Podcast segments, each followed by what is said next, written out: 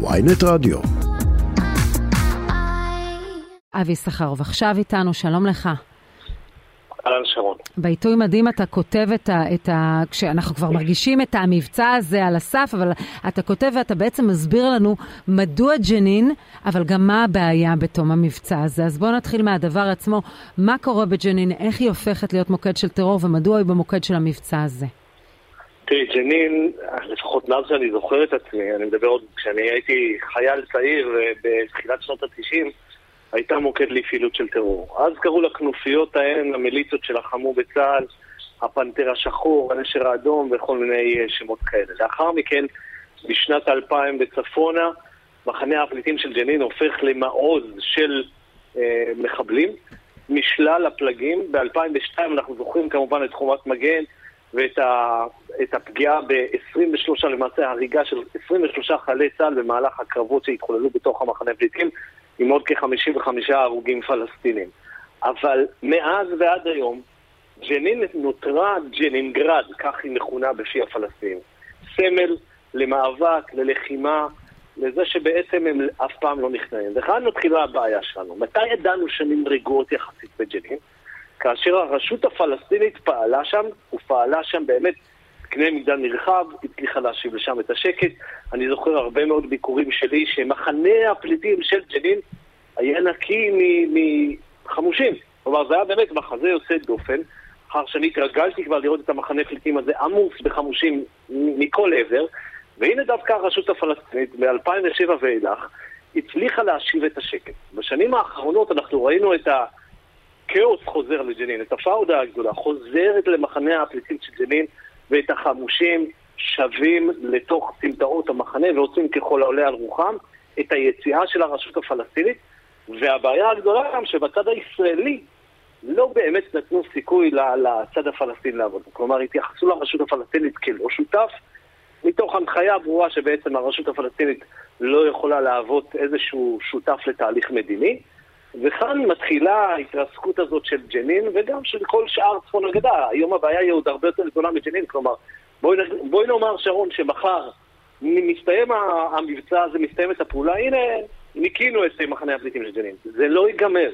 לכולנו ברור... אבל זה לא ייגמר גם בגלל שאנחנו לא רואים רשות פלסטינית חזקה ועוצמתית שנמצאת שם. ראינו את האוזלת יד שלה בצפון השומרון. כלומר, אז מצד אחד, מה, מה הפתרון שם? או, אירוע, או כניסה צבאית בכל פעם של צה"ל ומיגור וניקוי האזור, כשאנחנו, בהינתן זה שהרשות לא מתפקדת שם, או, אני יודעת, מי שדיבר איתי היום גם חושב על מצב שבו צה"ל ייכנס בחזרה לשם.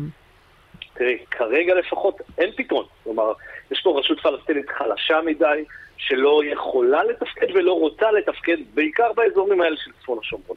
מנגד, יש פה גם מדיניות ישראלית שאומרת כבר מאז 2009, אין פה שותף פלסטיני. ואנחנו נעשה כל מה שרק אפשר כדי להחליש את השותף הפלסטיני הזה, כדי למנוע חלילה וחס תהליך מדיני. ואז מה קורה? מי נכנס פה לתוך הוואקום הזה? הרי אנחנו לא נשיב, אנחנו לא נשוב ונכבוש את ג'נין, בואי נודה בזה. אנחנו לא רוצים בזה, אפילו ממשלת הימין מלא מלא לא רוצה לכבוש את ג'נין מחדש ולשבת בה. מי כן נכנס, וזו הכותרת שלנו בעצם היום בידיעות נכון. אחרונות ומועדת, טהרן.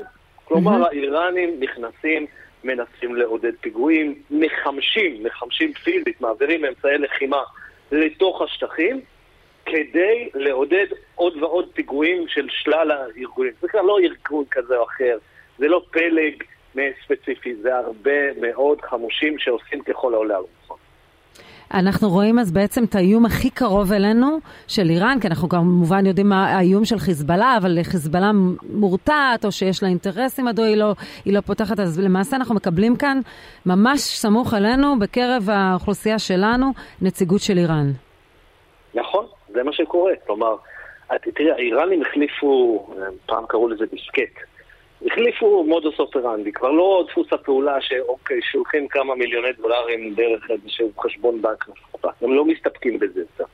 הם ממש מחמשים. זה באמת, זה שינוי מאוד משמעותי ודרמטי שאנחנו צריכים להבין. שלל הארגונים האיראנים, אני מדבר על המנגנונים האיראנים שלנו, זה כבר לא רק כוח על קוץ או, או כוח כזה או אחר. שלל הארגונים האיראנים, בהנחיה ברורה מלמעלה, עושים כל מה שרק ניתן כדי לחמש את הפלסטינים אם זה בחומרי נפץ וכלי נשק כמובן, ו- ומה לא, ובואי, לא צריך להיות גאון גדול כדי להבין שיגיעו לפה גם רחפנים, ויש כבר ניסיונות שיגור, כן? נכון. נכון, נכון, נכון. ולכן באמת אתה מסתכל קדימה, קצת קדימה, אני לא מדבר איתך על עוד עשר שנים קדימה, אני מדבר איתך על עוד עשרה חודשים. זה בהחלט לא נראה טוב. אז uh, היית, הייתה לי הנחה שבה חיזבאללה לא מעורב, אבל, אבל למה בעצם? למה, איך האיראנים לא מצליחים לגרור את חיזבאללה כן לייצר לנו עוד חזית?